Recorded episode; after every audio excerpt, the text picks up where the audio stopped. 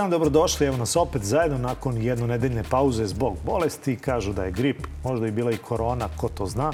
Ali u svakom slučaju ponovo smo na istom mestu u isto vreme. Dakle, broj telefona otvoren za vaše pozive 069 893 0023.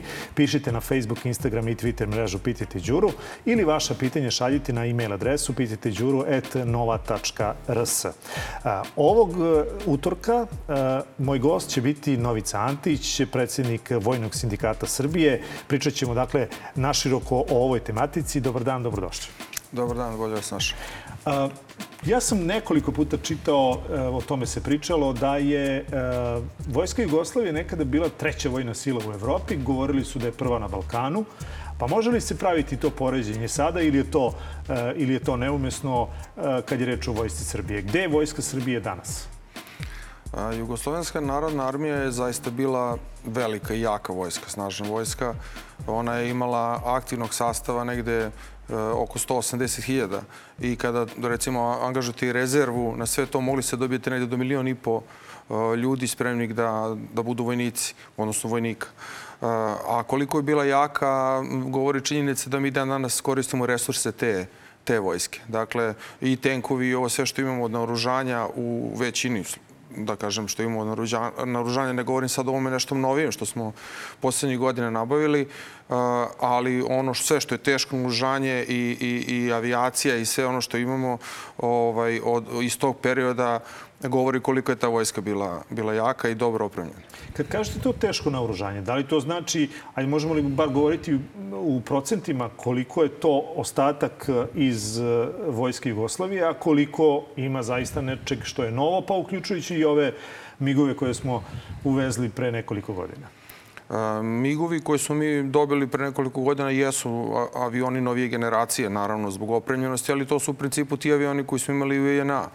A jedino što je novije nabavljeno to su ovi sistemi Pancir e, protiv vazduhoplovna odbrana nam je dosta pojačana sa ovim e, e, sistemima koji su došli iz Kine i iz Rusije. Naravno, nabavili smo i nešto novih helikoptera i tako dalje i bilo je neophodno da se, da se ta oprema zanovi, jer je oprema zaista bila stara iz perioda 50. i 60. godina prošlog veka ali to je, eto, i kada uzanemarimo činjenicu da smo dobili nešto i ovog novijeg naoružanja u smislu lakih, lakih vozila oklopljenih, mislim na ove Miloše, Lazara i tako dalje. Sve ostalo vam je tehnika iz perioda JNA. Pa dobro, onda gde smo danas?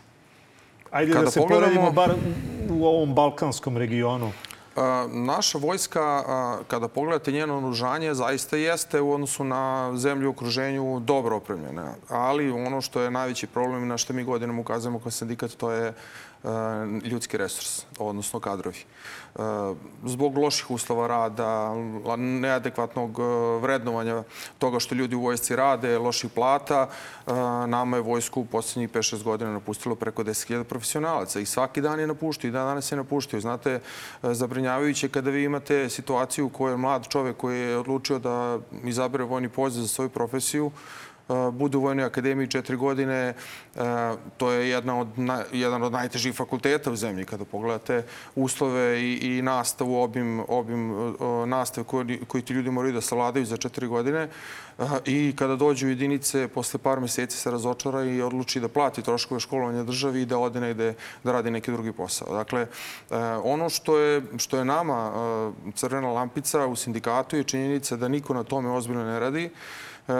Iako smo mi predlagali više puta kroz razne inicijative i ukazivali na ono što smatramo da je potrebno uraditi da se ta situacija popravi, očigledno za to nema sluha. Slušaju se verovatno neki e, ljudi koji nas loše savjetuju o tome kako vojska treba da izgleda. E, to su uglavnom e, neki lobi oko nekih par penzionisanih generala koji su svojim glavama još u periodu INA i koji ne mogu da sate da vojska mora danas drugačije da izgleda, da su navike mladih ljudi drugačije e, i da se tome trebamo prilagođavati. Znate, vojska je jedan inertan sistem. U njemu e, se jako teško prihvataju promene. Ali ako mislimo da imamo savremenu vojsku, koja je, naravno može da odgovori njenoj osnovnoj ustavnoj ulozi, onda mi tim promenama i sadašnjim e, navikama moramo da se prilagodimo. E sad, e, rekao ste e, da se mnogi mladi ljudi kad završe akademiju odluče da razočaraju se, kažu nije to to. a, i plate školovanje državi. Pretpostavljam da ih to vezuje neki, neka vrsta ugovora. Koliko onda to e, školovanje košta? A, vidite, svako ko ode u vojnu školu o trošku države i školuje se tamo, on potpiše jedan ugovor sa, sa državom, odnosno sa vojskom, u kojoj prihvati da će za svaku godinu koju je proveo na školovanju o trošku vojske države raditi kasnije u, u sistemu odbrane dve godine. Dakle, ako ste četiri godine bili Jasne. na akademiji, radite osam godina. Imate obavezu da odradite tih osam godina a školovanje nije jeftino. Znate, vi tu imate ishranu, smeštaj, o, o, o, odeću. U, za vašu nastavu se troše određeni resursi, municija i, i određena druga sredstva, informatička podrška i sve ono drugo što prati jednu takvu specifičnu nastavu, logorovanja i tako dalje.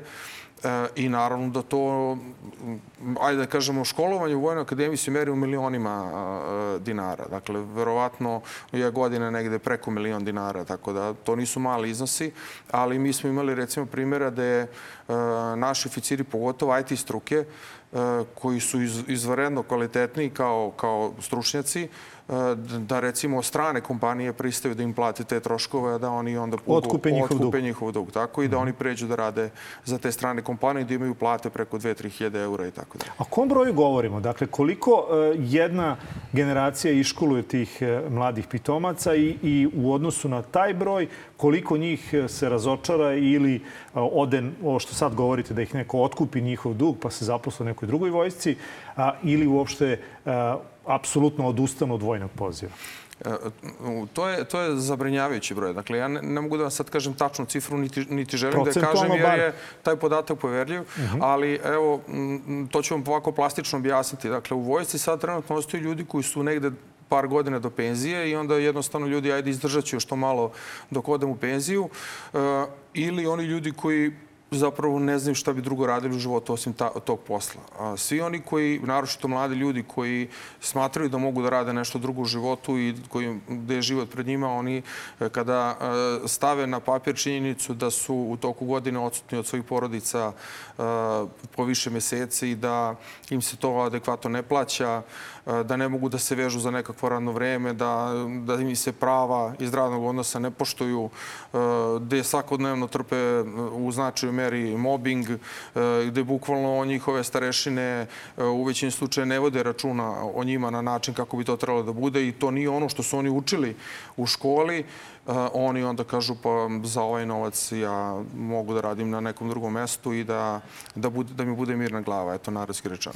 E sad, e, kad pominjete platu, kolika je plata tih ljudi koji tek završe fakultet, dakle koja je početna plata u vojsci? 80% profesionalnih pripadnika vojske danas ima platu manje od prosječne plate u Srbiji.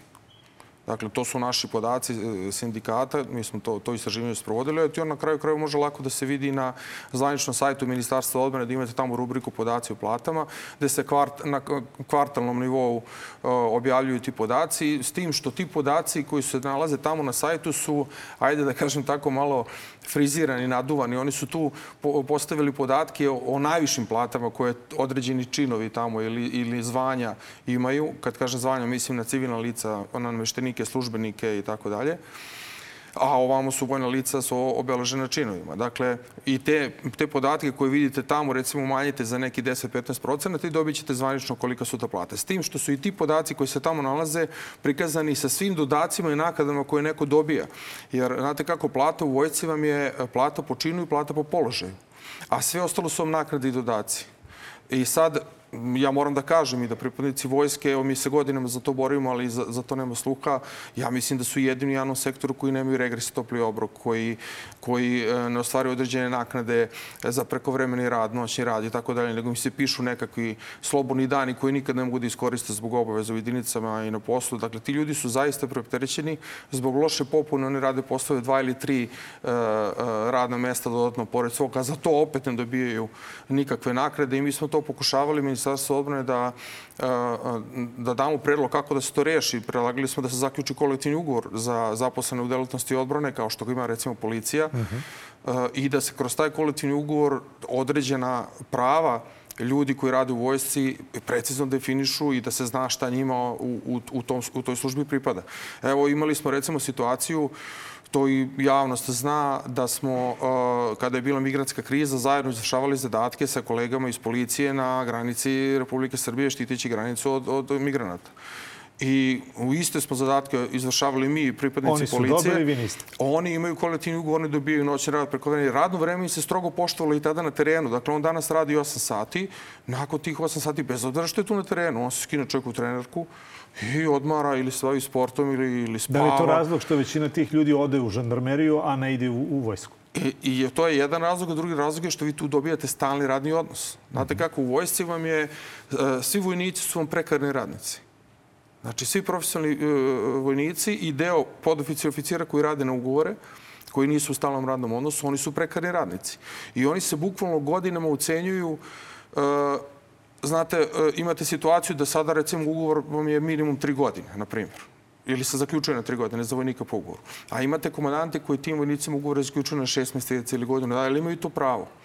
Pritom, taj vojnik može sutra da dobije otkaz i njegov komandant, e, da dakle, može da raskine jednostrano taj ugovor o radu i da nikome nije dužan da objašnjava zbog čega mu je taj ugovor raskinu ili da mu ga ne produži. Kada, kada istekne, komandant ima pravo da mu ne produži ugovor i da ne objašnjava nikome e, zbog čega mu nije produžio ugovor. Dakle, takav je ugovor napravljen, razumete? I mi smo čak i predlagali Ministarstvo odbrane i pisali smo inicijativu da sednemo zajedno, da izmenimo formu tog ugovora, jer on je bukvalno sad robovlasnički. U tom ugovoru vaš poslodavac sve može, vi ne možete ništa. I imate situaciju da vam vojnici rade 10-15 godina u vojsci na takve ugovore.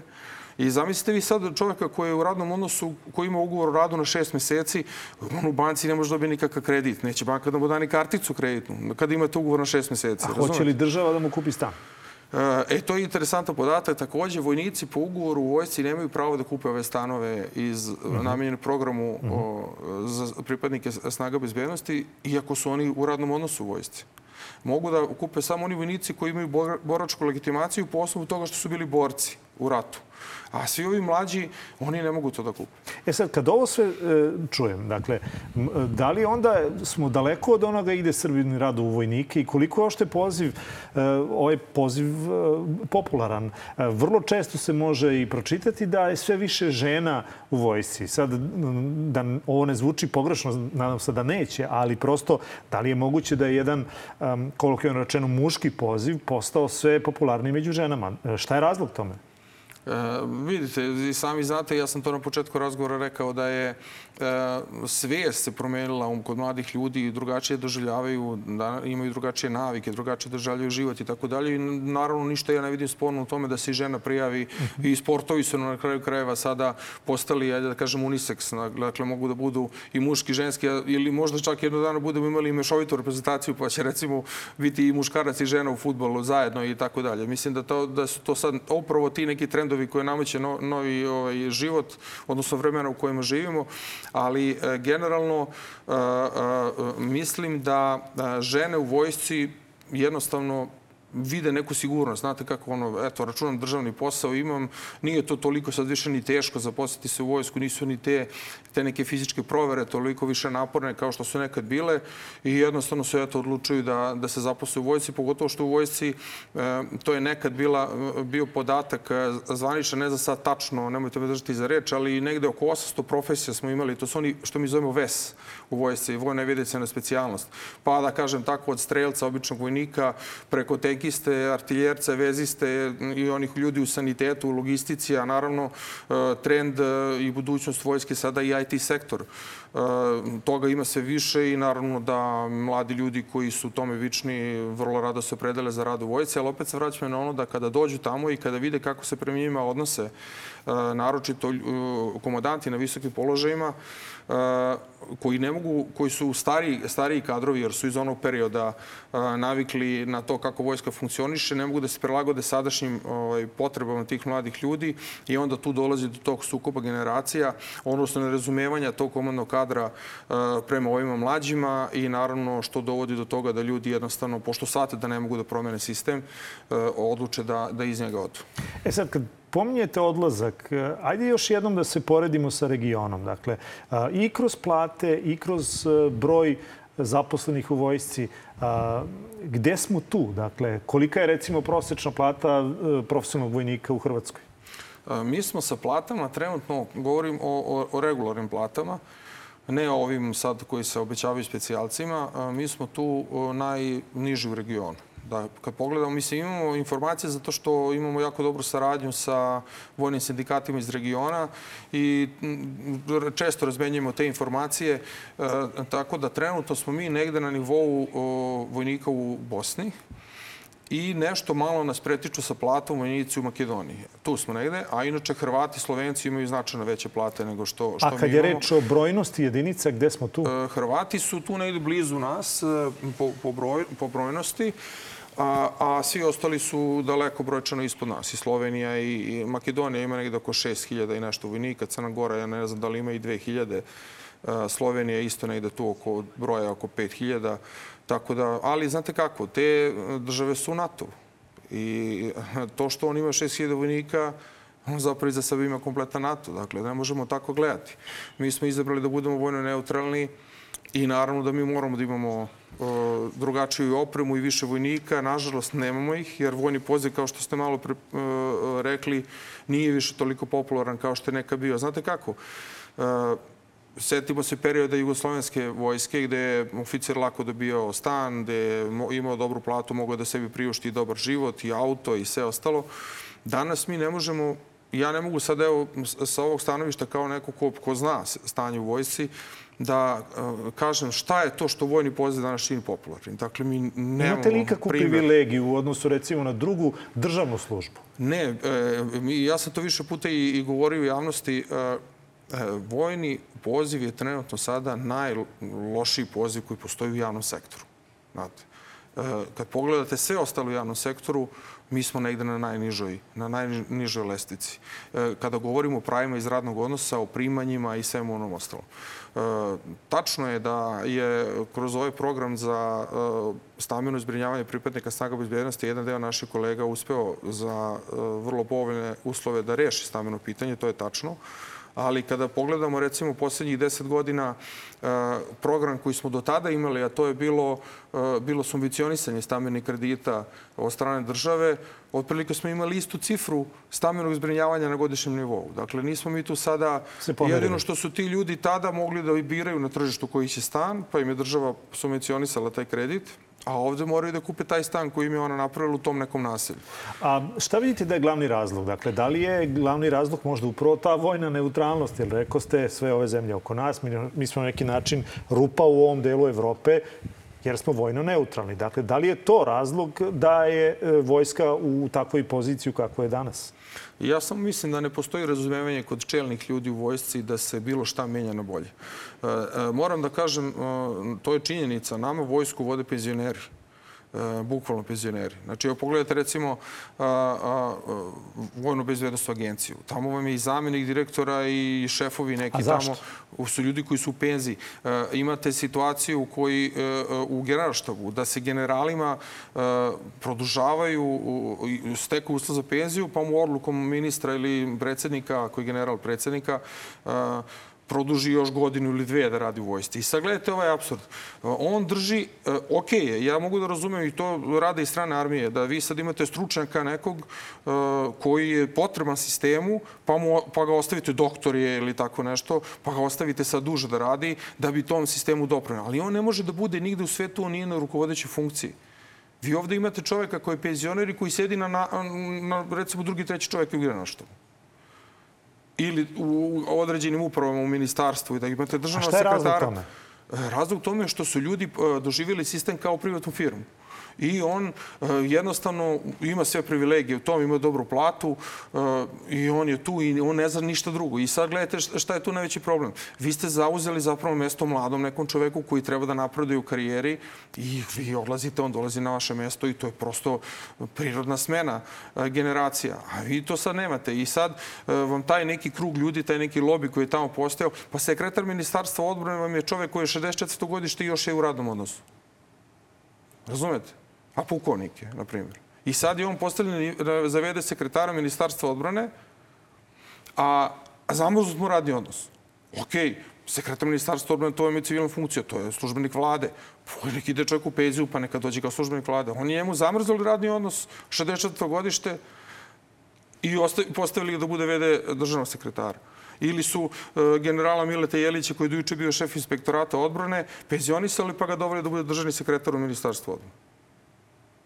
Znate. Ili imate... Pa je to, jel nemamo kad- kadrove koji bi znali da rade taj posao ili su to prosto, valje, potrebit ću možda reč, poslušnici koji tu rade ono što im da se je kaže? u, u pitanju nepotizam i to upravo o čemu vi govorite. E, Tu postoji taj jedan krug ljudi koji je bukvalno uzurpirao sistem odbrane. Evo imali ste e, juče u medijima činjenicu da je osnovan nekakav savet e, za ljudske resurse koji treba da predlaže ministru oko unapređenja, oko upućivanja na školovanja i tako dalje. I sad zamislite vi absurd, e, e, to se krilo od nas kao sindikata. Znači, vi niste, pretpostavljam, u tom, tom Ne, savjetu. ali logično bi bilo da bude predstavnik da sindikata i ne, ne mora da nas pitaju, ali, ali je dovoljno da budemo informisani o, o uslovima pod kojima će neko napredovati u službi, biti upućivan na školovanje, jer to su bitna pitanja iz radnog odnosa u kojima sindikat ima pravo po zakonu da bude obavešten. Mi smo tražili da imamo svoje predstavnike i u Fondu za socijalno osiguranje vojno, da opet godinama to niko ni, da nam realizuje, a dovode tamo nekakve ljude koji, koje dovode da bi primali platu. Ili tu, kao član upravnog odbora fonda vi, ste, vi primate određenu platu. Ali ovo sam hteo da kažem. Zamislite vi recimo absurd da vam u tom savetu za ljudske resurse sedi, na primjer, direktor Vojno-bezbednostne agencije koji je sam nezakonito četiri puta varedno unapređen. I sad on odlučuje o tome kako će neki oficir da bude unapređen i kakva će karijera da mu bude. Dakle, dotle idemo do, do, do tih absurda, bukvalno, pazite, čovek koji je za, recimo za četiri godine tri puta varedno unapređen nezakonito. A da li je absurd e, 5000 specijalaca? Da li je nama to potrebno? Je li vas iko pitao? I ako vas nije pitao, imate li stav o tome? To jest, znate li da je to, čija je to odluka? Dakle, da li je ta odluka doneta na osnovu nekih parametara, pa je rečeno Vojsci Srbije fali 5000 specijalaca? To je, prema onome što ja znam, Ili to samo lepo zvuči? apsolutno diletantska jedna odluka.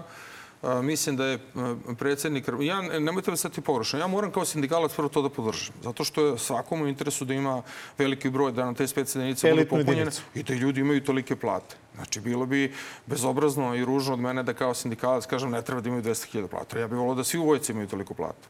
Ali zamislite vi sad, evo, spomenuli smo na početku razgovora da je ministar donao odluku da specijalac možda bude sa osnovnom školom. I zamislite vi sad vojnika po ugovoru specijalca sa osnovnom školom koji ima veću platu od načika generalštaba ili od pilota MiG-29. A to će se desiti. A to, to je činjenica. Ili od nekog, bilo kog drugog komandanta u, u regularnoj vojsci. Čekajte, ako vi kažete da je odluka ministra da može biti specijalac neko ko ima završenu samo osnovnu školu, šta nam to govori? Vidite, a, ta odluka ministra, ministra, on, to mu je neko u sistemu pripremio i on je to čovjek potpisao. Ne verujem ja da je on, to njegova odluka, ali ona je prvo utemeljena u zakonu, zato što on zakon o vojsci kaže da je vojnik lice sa najmanje osnovnim obrazovanjem. I oni su, da bi otvorili širom kapiju i rekli, hajte ljudi, prijavljujte se masovno, oni sad dobili su zadatak od predsjednika Republike da moraju da nađu 5000 specijalaca. Znači, to je njegova ideja. Nije to njegova ideja. Čija je to je ideja? ideja jedne grupe generala koja je njemu bliska i koja sve vreme i ovih poslednjih godina u vezi sa time mešetar i, i pravi nekakve oni prave nekakve planove i strategije i ne znam ja samo odakle i kako niti to ima veze sa, sa doktrinarnim i strategijskim dokumentima, niti to ima veze sa uh, sistemom odbrane naše zemlje, niti sa formacijom vojske. Dakle, to sad iziskuje izmenu informacije vojske i određena novčana sredstva. Pa evo samo da izračunamo 5000 puta uh, 200.000 200.000. dinara, pa puta 12 meseci, pa koliko, su to, koliko nama u budžetu treba novca za te plate. Pritom imaćete ovu situaciju koju sam rekao da vam pilot MiGa-29 koji vam je isto deficitaran, Jer recimo prošle godine do juna meseca imamo podatak da, da se skinulo, na primjer, e, pet pilota, a završilo akademiju ove godine četiri. Znači, Ko će nema- da vozi to? Vi nemate, vi imate problem da imate pilota Koliko on ima platu? Pilot vam ima negde možda, ajde da kažem, zavisi od čina, naravno, ali negde u, pe, u proseku između um, nekih 800-900 evra, pa ajde da kažem negde do 1000 i po evra, zavisi, zavisi sad i kako su tu dodaci, njegovi da li na letenju. Pa vidite, u, u, Sloveniji vam vojnik po ugovoru ima platu 1200 evra. Razumete? I ne može da se meri e, to što ste sad rekli u Rumuniji. Rumunija ima veliku vojsku. Rumunija ima duplo veću vojsku nego mi. I više aviona i drugo, oni su u NATO, to je druga priča, razumete? Standardi su njihovi drugačiji. Ali, ali evo ja sam naveo region. Dakle, zemlje bivše Jugoslavije, Slovenija, vojnik po ugovoru ima platu kod njih kao recimo naš oficir čina pukovnika ili potpukovnika. Ali evo, pomenu ste NATO. Dakle, mi smo se prethodnih godina hvalili saradnjom sa NATO-om, odlaskom naših vojnika u, u NATO zemlje, na obuke, na doobuke, na međusobne ovaj, koje kakve kurseve i tome slično. Imali smo i nismo imali zajedničku vojnu vežbu, ali... ali... Imali smo više vojnih vežbi sa NATO. Sa NATO-om. Da. A, šta, šta nam onda to govori? Da li je to vojna neutralnost ili je, ili je to, to dozvoljeno? I, I da ukrstimo ovaj podatak od 5000 specijalaca sa tom činjenicom. Dakle, kome mi sa 5000 specijalaca pokazujemo nešto? Gledajte, to je lepo zamišljeno i to lepo zvuči šta je cilj zaista? Ja negde sam čuo da, recimo, Poljska koja ima, koliko ima, 40 i nešto miliona stanovnika, nema 5000 specijalaca. E, upravo ću vam to sada objasniti. Pazite, e, specijalne jedinice se, iz ovu specijalne jedinice se koriste za određene specijalne zadatke, e, uglavnom u neprijateljskoj pozadini, protitorička dejstva, rešavanje talačkih situacija, diverzantska dejstva, izviđačka dejstva, prepadna, desantna i da sad ne objašnjam šta je. Znači, to su uglavnom podobranci, diverzanti, protiteroristi i tako dalje. To su ljudi koji moraju da budu nadprosječnih psihofizičkih karakteristika. Dakle, i jaka fizička sprema, i psihička sprema, i zdravlje Ali dobro. ne moraju sve osnovne škole da imaju ništa više. I to je suludo, jer bi ne može da bude čovek e, obučen kao specijalac e, dobro ako nema neka znanja koja bi trebao da stekne u srednjoj školi. U današnje vremenu ratovanja kada malte ne vojnik ni ne, ne mora da stupi na određeno tlo da bi ono bilo osvojeno, recimo. Ta, tako je, pogotovo što je sadašnja struktura naših specijalnih jedinica uglavnom e, u većini slučajeva su to podoficiri i oficiri i nešto malo profesionalnih vojnika. Dakle, to su ljudi profesionalci koji su u stalnom radnom odnosu. Jer, znate kako, ne možete vi da, da pravite specijalca koji će vam otići posle godinu ili šest meseci. A trebalo vam je dve godine da ga obučite ili godinu i po dana, a slupali ste njega ogroman novac da ga obučite i onda ga držite kao vojnika po ugovoru, ovo što sam ja govorio, da ima ugovor na šest meseci ili godinu dana. Mislim, to, to je potpuno, potpuni absurd.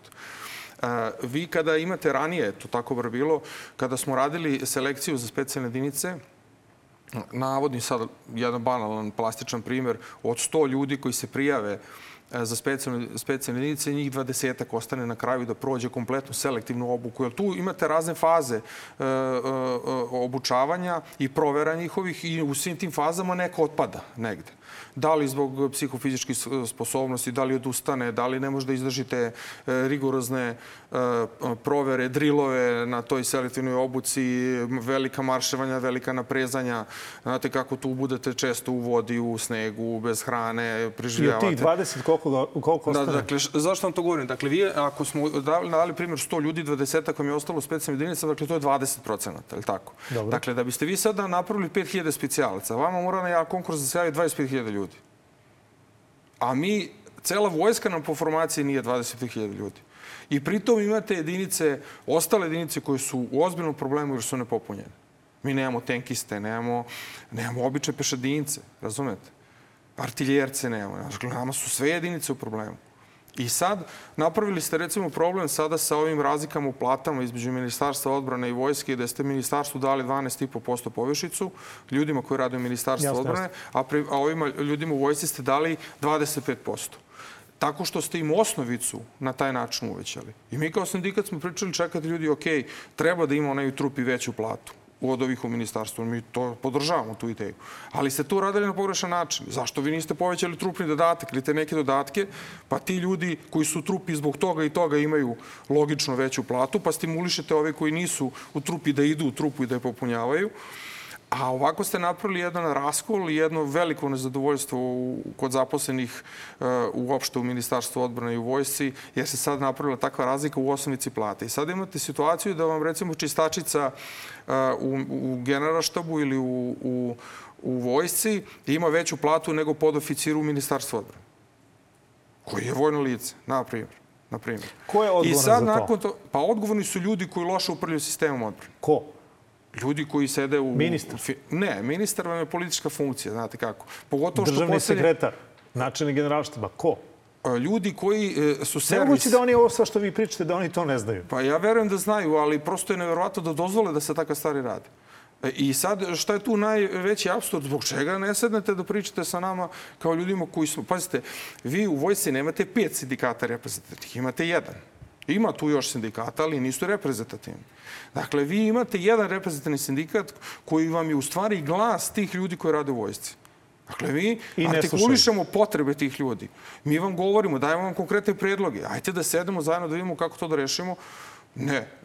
Od sindikata je napravljena opozicijona stranka u Ministarstvu odbrane. Pa tako se i doživljavate. da? Tako se doživlja i kogod ima drugačije ili kritičko mišljenje, on je neprijatelj. Kome smo mi neprijatelji? Pazite, 7300 ljudi u Vojnom sindikatu Srbije, dakle, kad pogledate brojno stanje naše vojske, skoro svaki drugi pripadnik vam je član našeg sindikata. Znači, 7300 ljudi u Vojnom sindikatu Srbije su neprijatelji sistema i države. To je suludo. Onaj ko tako razmišlja, taj treba da ide da se leči. A, ne, nećemo to zaboraviti svakako. A, a, mislim da je to bilo 2021. je li tako, u junu, kada je poginuo podoficir Dejan Stanković. Stojković. Stojković, pardon. A, dokle se stiglo sa tom, sa tom istragom? Ovo sve pitam u, u svetlu onoga što se sada dešava. Vidimo, predsjednik je otišao u Dubaj i tamo je sajam na oružanja. A, I tada je to bila, vi ste kritikovali tu, tu vojnu vežbu, jer ste govorili da to i nije bila vojna vežba po svojim merilima, već da je to bila klasična pokazna vežba šta smo napravili, šta imamo novo u naoružanju da bi to danas sutra prodali. Vidite, to, se, to je sistem odbrane nazvao združena taktička vežba. Uh -huh. Ok, ona može tako da se nazove ako pogledamo strukturu jedinica koje su njoj učestvovali, jer su učestvovali e, e, različiti vidovi vojske. Znate, vojska vam se deli na vidove i rodove i službe. U okviru vidova imate različite rodove i službe. Dakle, mi trenutno, naša vojska ima vid kopnenu vojsku i vazduhoplovstvo i protiv vazduhoplovnu odbranu. I u okviru njih imate različite rodove. Ne znam, ovamo imate protiv e, vazdušnu, odnosno protiv vazduhoplovnu odbranu, pa imate artiljerijsko e, rakete jedinice PVO i tako dalje. Ovamo imate u kopnenoj vojsci tenkiste, pešadince, inženjerce, artiljerce i tako dalje. To su rodovi. I sad, e, kada vi od svih tih rodova upotrebite neke jedinice, onda se to ona zove združena. A taktička je zato što nije na strategijskom nivou na nivou tih osnovnih jedinica ili bataljona ili četa i tako dalje. I sad, e, vi ste imali, šta je vežba? Dakle, sad da to objasnimo ovaj, ljudima koji ovo gledaju.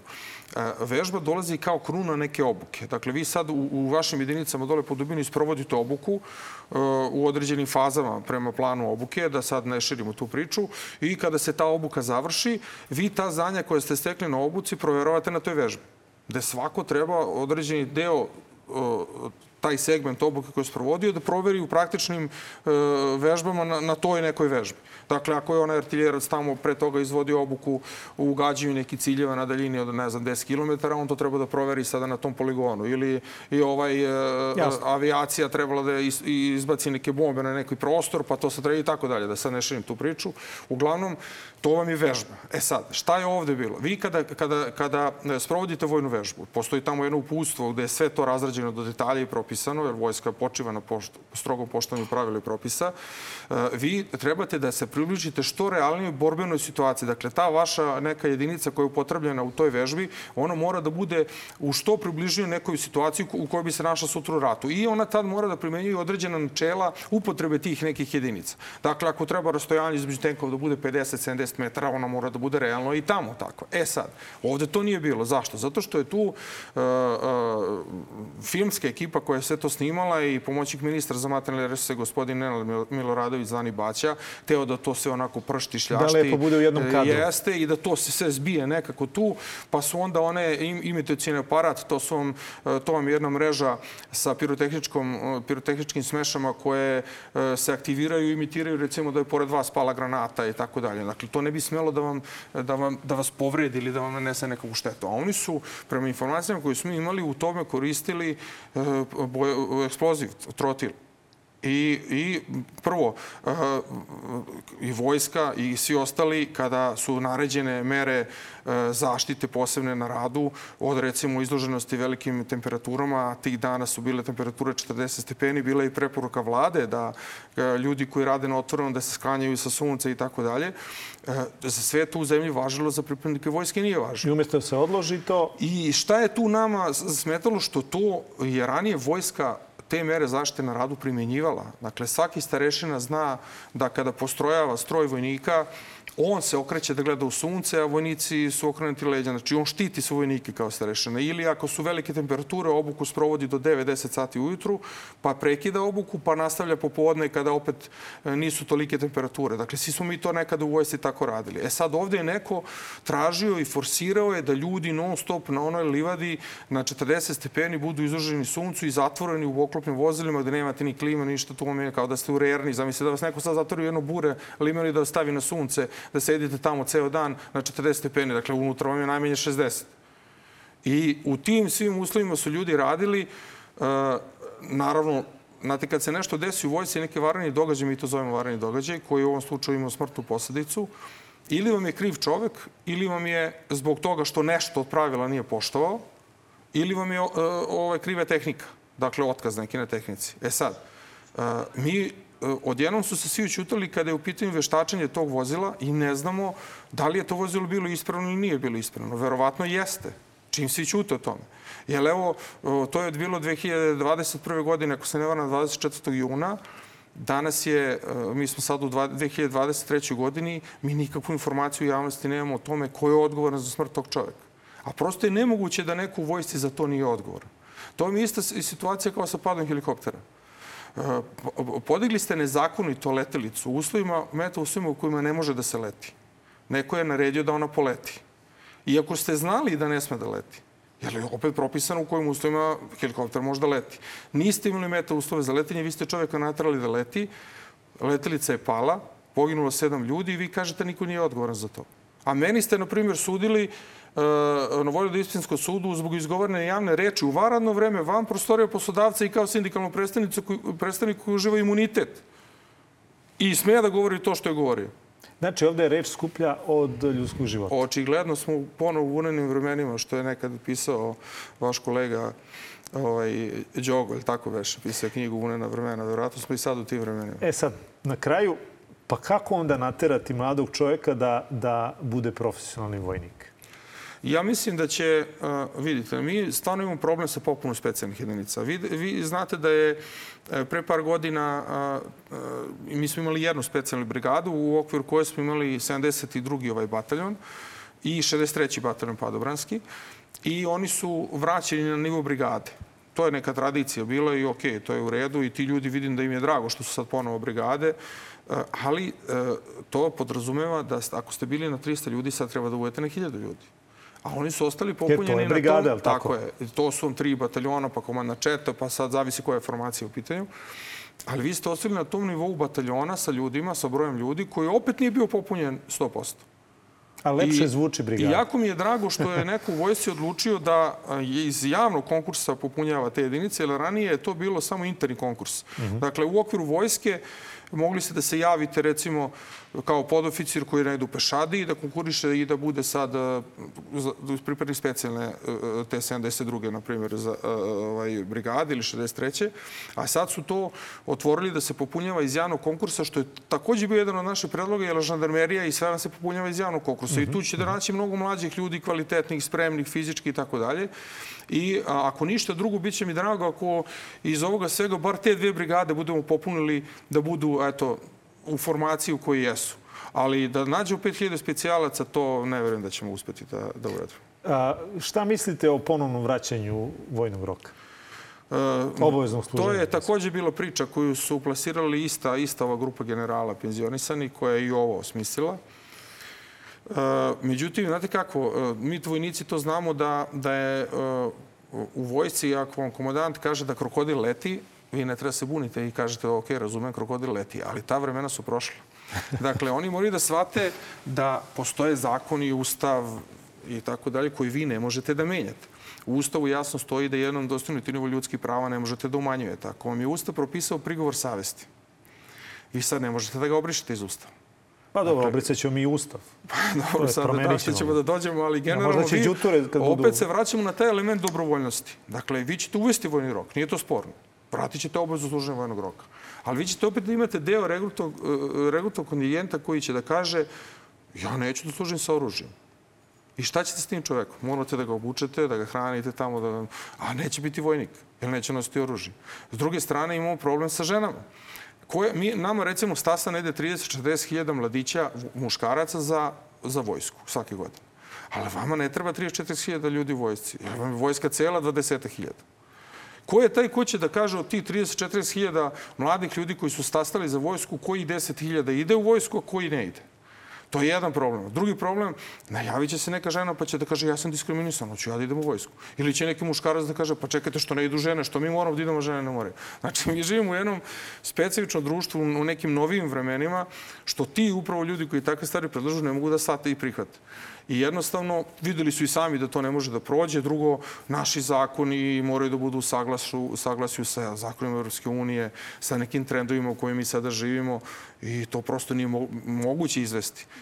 Tako mislim da će i ovo jednog dana Za zaživi. specijalce. Tako je, da vidjet će vremenom da to ne može e, tako da ide kako su ljudi mislili, a drugo, e, ono što, što nama smeta e, je činjenica da to pravi veliki raskol i revolt e, među sadašnjim pripadnicima vojske koji kažu, eto, upravo ono što sam rekao, pilot MiGa-29 ima manju platu nego vojnik specijalac u, u specijalnoj e, brigadi gde se svi pitamo zašto će nam taj vojnik specijalac i šta će biti Iako njegova vas optužuju da, ste, da niste sindikat, već ste politička organizacija koja opozicijono deluje, da li vam možda onda, evo sad još ovo pitanje, pa zaista završavamo, da li vam onda ovih 5000 specijalaca deluje kao jedna politički, jedan politički pamflet, jer znamo što sami rekao ste malo pre, šta rade ti specijalci? Rade e, desante na, na tuđoj teritoriji, e, da li, to, da li to nama vlast šalje poruku da će nam se recimo ponoviti možda ta 99. pada na tu teritoriju koja je još uvek naša, da ćemo slati tih 5000 ljudi. A, vidite, svakako... Kako narod, kako vaše kolege o ovom razmišljaju? Pretpostavljam da kad odete u neku kantinu ili tamo negde da, da, da pričate o običnim jezikom. Dakle, ne jezikom vojnika, već jezikom građanina Srbije. Šta oni kažu na sve Kada ovo? pitate ljude u sistemu vezano za to, još uvijek niko ništa ne zna. To je još uvijek na. Ali pretpostavljam da imaju svoj stav o tome. Imaju, naravno, mi svi, sve informacije koje trenutno u vezi s tim imamo, imamo od političara. Dakle, koji, ili od predsjednika ili od ministra odbrane. I ovo što se malo kroz medije provlači. Ali e, ti ljudi još uvijek nisu dobili toku platu. Znate, vi sad imate specijalce u 72. i 63. koji i dalje primaju platu kao što su primali do sada. Dakle, još uvijek ta plata nije podignuta na 200.000 dinara. Razumete? Niti znamo kad će biti, ni kako će biti podignuta. Na- Znate, postoji način kako se plata obračunava u vojsci. Kako ćete vi sada tom čoveku tamo da date 200.000, pilotu nećete? A ista nam je osnovica svima za obračun plate. Znate. Ima tu razne pitanja na koje mi u ovom trenutku nemamo odgovor, niti iko može da nam date odgovor. Mi smo kao sindikat tražili da budemo obavešteni, to vidjet ćemo kako ćemo odgovor dobiti od Ministarstva odbrane, ali e, realno, kad se vratimo na ono što sam rekao na početku razgovora, na koji način se vrši selekcija za pripadnike specijalnih jedinica, e, ako mislite zaista da imate specijalce, onda mora da nas se javi na konkurs 25.000 ljudi da biste izabrali 5.000 da budu specijalci. Ili ćete da kažete dovoljno da ima dve ruke i dve noge i da ima dva oka da vidi i ajde nek bude specijal, nek se zove specijalci. E, Novice, hvala puno na izdanom vremenu, Hvala na vam. odgovorima na pitanja. Moj današnji gost bio Novica Antić, predsjednik e, Vojnog sindikata Srbije. Broj telefona otvoren za vaše pitanja i sledećeg utorka 069 893 0023. Pišite na Facebook, Instagram i Twitter mrežu Pitajte Đuru ili na e-mail adresu pitajteđuru.nova.rs.